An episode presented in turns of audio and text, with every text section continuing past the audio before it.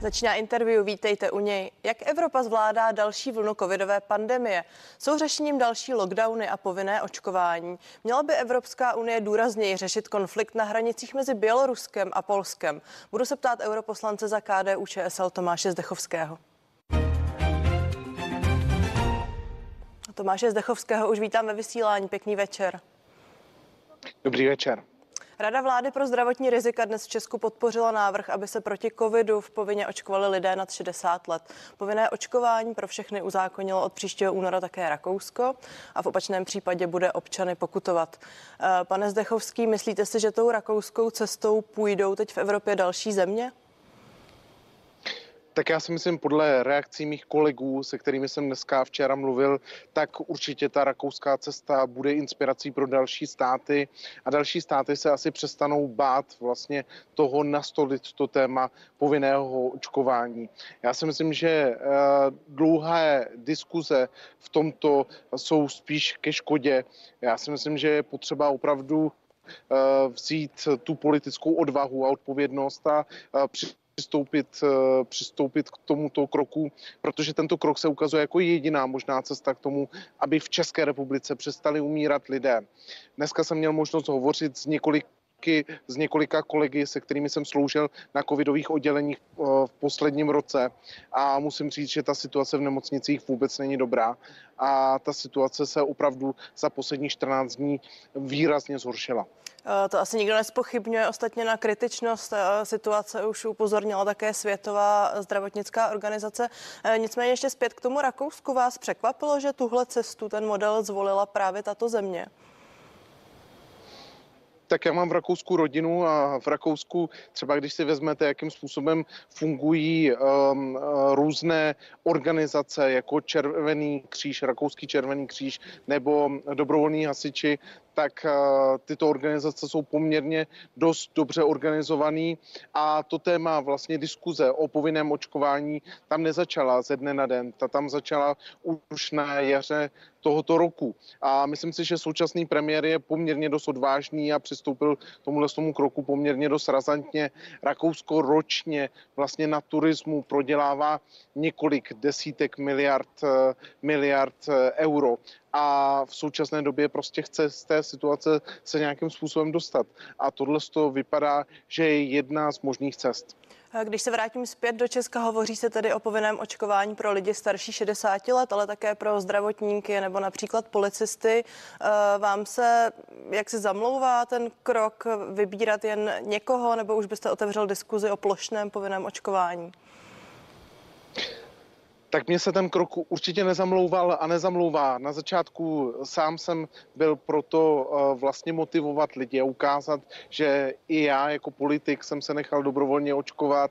Eh, nicméně vám můžu říct eh, situaci ode mě z domova, kdy vlastně manželka pracuje na onkologii a tam část zdravotníků se nenechala očkovat a manželka v současné době, i přestože je dvakrát očkovaná, tak je covid pozitivní. A já si myslím, že je prostě nastal čas opravdu začít vést vážnou diskuzi o tom, jestli jsme schopní tu situaci současnou překonat za A s dvouma očkování nebo bez očkování. Já si myslím, že ten čas už prostě pokročil a i ta diskuze začíná pokračovat v Evropě a v současné době není na co čekat. Já si myslím, že ten, kdo se eh, nechtěl nechat očkovat, měl tady dostatek času a svobody si to rozmyslet, přečíst si všechny studie, vidět, že to nemá dopady, že nikdo není neplodný.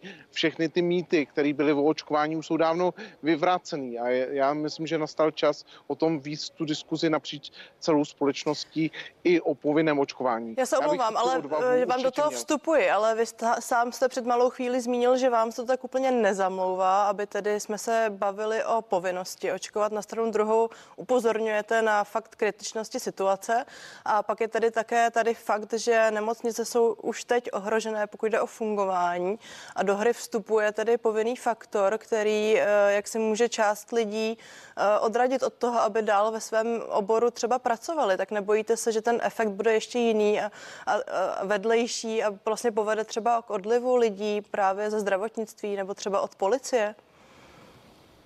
No a já vám řeknu možná tu druhou část vlastně té mince, že řada zdravotníků dneska zvažuje, že odejde ze zdravotnictví. Protože proč mají sloužit eh, každý měsíc další a další přesčasy? Proč opravdu mají chodit do práce vyčerpaný a z práce vyčerpaný?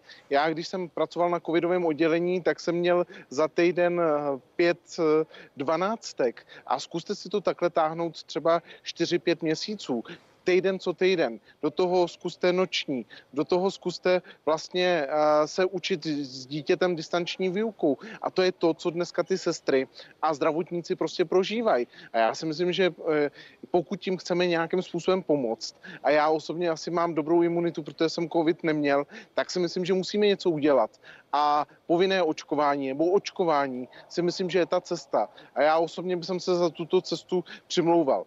Mimochodem vám dám jeden příklad.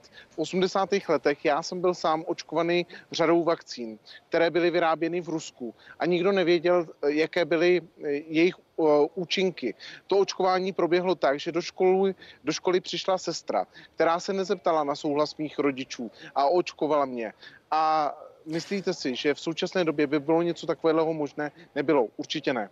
Pane Zdechovský, já si v tuto chvíli nic nemyslím, ani myslím, že úplně není vhodné tu situaci srovnávat s 80. lety. Nicméně zpátky ještě k současným faktům. Světová zdravotnická organizace eh, sice varovala před tím, že situace je kritická, ale také uvidla, že povinné očkování je podle ní až na posledním místě řešení. Eh, nenabízí se tady ještě nějaké další eh, možné nástroje? Pojďme lidi motivovat, pojďme je motivovat k očkování. Já jsem říkal na začátku toho předchozího vstupu nebo toho té předchozí uh, repliky, že já bych byl proto lidi motivovat. Samozřejmě bych nerad někoho k něčemu nutil, co nechce. Ale na druhou stranu, pokud eh, vlastně se z té situace nebudeme schopni dostat jinak, tak bohužel eh, tady nic nezbývá, než to povinné očkování eh, nařídit. A já bych byl proto, aby bylo víc těch motivátorů a lidí, kteří se zapojí do toho, aby ostatní přesvědčovali, ať se nechají očkovat. Já si myslím, že to nucení je na posledním místě. Ale bohužel, jestli se ta situace nezmění, jestli ty čísla budou tak hrozná, jako jsou dneska, jestli ty nemocnice budou na kraji kapacit tak, jako jsou dneska, tak nám nic jiného nezbyde. Uh, také je potřeba zmínit, že diskuze se točí kolem lockdownu. Ostatně zmiňované Rakousko už ho zavedlo. Uh, máte vy informace o tom, že ho zavádí v Evropě další země? V současné době se o tom diskutuje na Slovensku a v dalších zemích jako Bavorsko eh, vlastně zavedlo ten lockdown pro neočkované. To je ten bavorský systém, který byl zmiňovaný panem premiérem. V řadě zemích eh, vlastně ty politici opakují, že nechtějí žádný lockdown. Nicméně eh, vypadá to, že s přibývajícími počty nakažených řada premiérů a řada vlád bude muset ten svůj pohled původní přehodnotit. A to zaznívá teďka od řady mých kolegů, které které jsem měl možnost potkat dneska včera v Evropském parlamentu. A mimochodem vaši kolegové a pěti koalice právě zítra představí svůj další plán eh, v boji s covidem. Můžeme tedy podle vás čekat nějakou razantní změnu? Já teď narážíme na to, že ještě před volbami eh, právě z úst představitelů koalice spolu striktně zaznívalo, že další lockdown už nebude tak eh, samozřejmě se tomu chceme eh, za každou cenu vyhnout, ale já říkám, prostě asi nikdo nepočítal, že ty čísla budou tak hrozivá a jak říká pan prezident, jenom blbec nemění své názory. A v současné době, pokud eh, budou opravdu, eh, ten nápor bude na nemocnice tak velký, jaký je v současné době, třeba ve Zlínském kraji nebo v Jihomoravském kraji, tak nám dřív nebo později nic nezbyde. Nemůžeme mít akce, kde se schází tisíce lidí, po kterých vlastně eh, stovky lidí potom jsou, jsou registrováni jako covid pozitivní. Musíme začít opravdu proti proti té pandemii systematicky bojovat. Jsou tady státy, které to už dokázali, takže pojďme si z nich vzít příklad a pojďme zkusit je napodobit a zkusme eh, udělat maximum pro to, aby ta situace v České republice se vrátila do normálu. Teď jsme chytrý národ, to je eh, jako Češi opravdu, říkám, patřili vždycky mm, k takový bych řekl eh, inteligenční špičce v Evropě, dokázali si se všem poradit. Proč bychom se nedokázali poradit s pandemí COVID-19? COVID-19. Já se omlouvám, které státy už mohou teď s klidným srdcem říct, že už jsou venku z boje s covidem? No já jsem třeba měl možnost eh, navštívit eh, v minulém týdnu Bahrajn a Bahrajn eh, třeba má denní přírůstek nakažených v řádech desítek lidí. Mají připravený záložní nemocnice, mají připravený nějaký systém infrastruktury, školy poslední tři ročníky medicínských oborů na to, že by pomáhali na jednotkách intenzivní péče. Trénuje se tam vlastně nějaký pandemický plán, do kterého se zapojí armáda, Červený kříž a, a další organizace. Pane europoslanče, já se omlouvám. Já jsem měla dojem, že se bavíme o situaci v Evropské unii. Eh, dá se říct o nějaké zemi v Evropské unii, že má již situaci pod kontrolou, nebo se celá Evropská unie točí v podobném kruhu jako my v Česku? Tak řada států jako Švédsko eh, určitě eh, se nějakým způsobem posouvá v té věci, nebo Finsko, nebo můžeme vidět eh, situaci v Dánsku, ale ta situace samozřejmě se mění každým dnem. Není možnost říct, že všechny státy mají vyhráno. Prostě ta populace Evropy je výrazně starší než populace třeba některých států Afriky a COVID bohužel je, je nemoc, která se nejvíc podepisuje zapisuje na lidech, kteří jsou nemocní a kteří jsou toho vyššího věku. Já vás na závěr této části ještě poprosím o krátkou reakci, protože vidíme kolem sebe ve společnosti, že jak si ten sílící očkovací tlak má také silnou odezvu u různých sociálních skupin. Eh, vy se pohybujete i v právnickém prostředí ve Štrasburku v Bruselu. Nečekají podle vás evropské soudy záplavu různých žalob v souvislosti třeba s tématem omezování osobních svobod? Tak já si myslím, že svoboda každého člověka končí uh, u svobody těch ostatních lidí. A já si myslím, že musíme najít nějakou rovnováhu. Proto říkám, já jsem ochoten uh, a myslím si, že i řada dalších politiků jsou ochotná nějakého dialogu s lidmi, kteří se neočkují a nechtějí očkovat. Já si myslím, že je tady i cesta uznávání protilátek, je možná cesta diskutovat uh, ze zdravotníky možnosti, eh, jak třeba ty lidi motivovat. Eh, klidně jsem proto. Nezlobte se to úplně, motivovat... nereagujete na moji otázku. Já jsem se ptala na to, zda již nepozorujete eh, rýsující otázku... se právnické spory v této oblasti. Já se omlouvám, já jsem tu vaši otázku neslyšel, protože vypadlo spojení, tak se omlouvám, že jsem neodpovídal. Ale samozřejmě právě, právě jestli někdo se chce kvůli této situace soudit, ať se soudí. Já osobně tenhle ten model toho souzení a neustálého souzení, jako to předvádějí některý lidi v České republice, prostě uh, nepreferuju a nesouhlasím s ním. Europoslanec Tomáš Dechovský je hostem dnešního interview.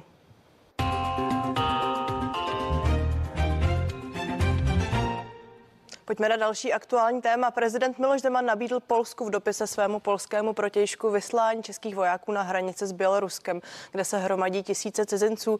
Eh, pane Zdechovský, k přesunu vojáků je potřebu souhlas obou komor parlamentu. Eh, jak hodnotíte tento návrh? Tak já si myslím, že ten návrh reaguje na současnou situaci, která je na polsko-běloruských nebo polsko-litevských hranicích. Já si myslím, že bychom měli být solidární a tenhle ten nápad pana prezidenta považuji za velmi dobrý a považuji to za určitou míru solidarity, který bychom měli vyjádřit k našim partnerům v NATO a Evropské unii.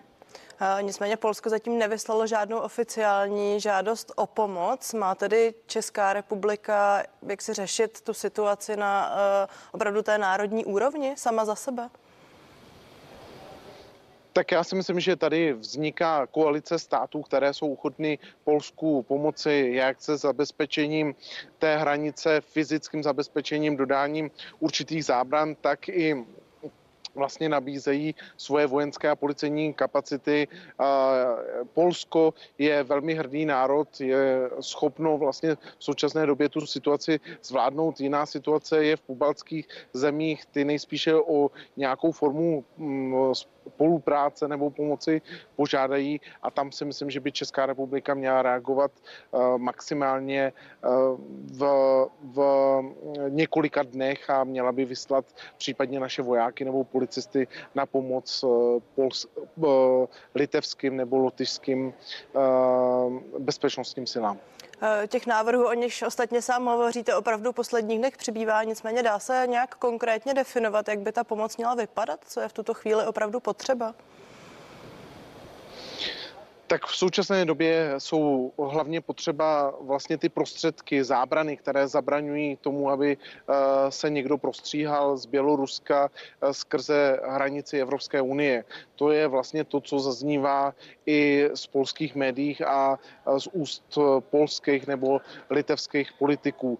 Pak samozřejmě bude potřeba, aby za těma zábranama byla nějaká síla, fyzická síla, která je schopna případný nával migrantů prostě zastavit. A tam si myslím, že bude potřeba opravdu, aby státy Evropské unie se vlastně dohodly na vyslání určitého počtu lidí.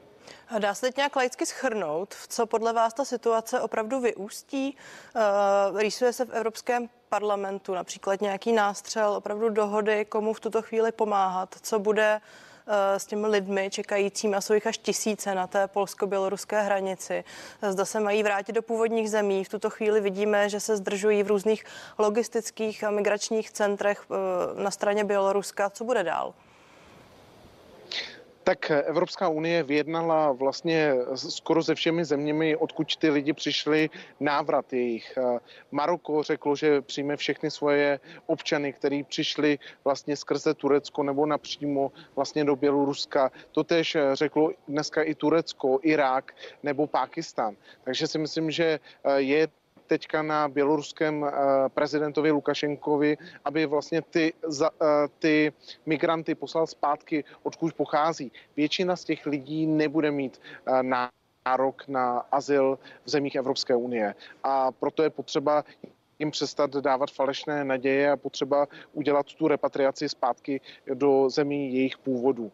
A odhaduje se vlastně, to jsou čísla z Frontexu, které mám od jejich analytiků, až 95% těch lidí, kteří se dneska nacházejí eh, v Bělorusku, tak eh, pocházejí ze zemí, které vlastně v současné době eh, nejsou zemi zasažené jakýmkoliv válečným konfliktem nebo nejsou tito lidé jakkoliv pro následování. Eh, rozumím. Jinými slovy, ono to teď možná bude znít velmi krutě, ale Evropská unie tedy dává z celé ruce pryč a i ta doprava, transport zpátky tedy bude ponechána jaksi v běloruských rukou. Chápu to správně? Ano, chápete to správně, protože někdo na tom transportu těch lidí do Běloruska poměrně dost vydělal. Jestli um, mám správné informace a mluvil jsem minulý týden s marockými, s pákistánskými i s tureckými diplomaty, tak eh, třeba letenka uh, s tím vízem uh, vyšla až na 5 tisíc euro pro ty migranty, kteří přijeli do Minsku. Takže eh, a bylo to organizovaný buď to státem nebo nějakou organizací, která byla podporovaná státem. Takže by si měl i pan Lukašenko zajistit a zaplatit ten odvoz těch lidí. A myslím si, že na tom vydělali poměrně dost velikánské množství peněz. Čekáte teď tu kýženou, očekávanou uh, vlastně reakci ze strany Běloruska. Věříte tomu scénáři, který jste právě popsal? tak my s nimi o tom scénáři jednáme. Tak nebyt toho, že Evropská unie intenzivně tlačí a Angela Merklová minulý týden s panem Lukašenkem několikrát hovořila, hovořili s ním i další evropští lídři a premiéři, tak eh, by určitě minulý týden eh, nebyli odvezeny děti a především starší lidé do zařízení v okolí Minsku, kde v současné době přebývají a byly by vystaveny eh, na hranici hm, Polska, Běloruska mrazu, zimě a nevlídnému počasí. Já si myslím, že ten tlak musí probíhat a musí Evropská unie teďka ukázat tu jednotnost a schopnost prostě té tvrdé reakce vůči Bělorusku. Zůstaňme prosím ještě krátce na evropské úrovni. Česko by mělo mít minimálně viditelnější roli v rámci celé Evropské unie, protože od července roku 2022 bude předsedat Radě Evropské unie. Eh, jste teď schopni nějak zhodnotit, zda jste spokojený s přípravou předsednictví, které máme jako Česko před sebou? tak já opakovaně patřím ke kritikům toho předsednictví. Ono není dostatek finančních prostředků vlastně na zorganizování celého předsednictví v takovém rozsahu, který bychom si představovali, abychom označili slovem důstojný, alespoň důstojný. Takže já v současné době i poměrně dost intenzivně se snažím lobovat u budoucí vlády, aby tento postoj současné vlády přehodnotila, aby ty peníze navýšila. Není možný udělat, uh, udělat předsednictví v Bruselu se stážisty, který nerozumějí problematice, nebo s juniorními, bych řekl, úředníky, kteří nebudou v té problematice dostatečně silní a respektovaní, potom ty témata, které chceme zvedat v rámci předsednictví, nebudeme schopni zrealizovat. Já vás tady ještě zastavím. Co tedy podle vás bude první klíčový úkol budoucího člena vlády pro evropské záležitosti Mikuláše Beka? Já si myslím, že odletět eh, do Bruselu, on už pan Beck tady přes 14 dní byl a myslím si, že by měl uh, jednat se současnou naší velvyslankyní Editou Hrdou o navýšení počtu lidí a po případě o lepší zorganizování celého předsednictví tak, aby bylo dostatečně reprezentativní. Europoslanec Tomáš Dechovský byl mým dnešním hostem. Děkuji za rozhovor. Já také děkuji. Krásný večer. A vám díky, že jste se dívali. Těším se na viděnou na CNN Prima News a následuje pořád co těchto politik, tak se dívejte.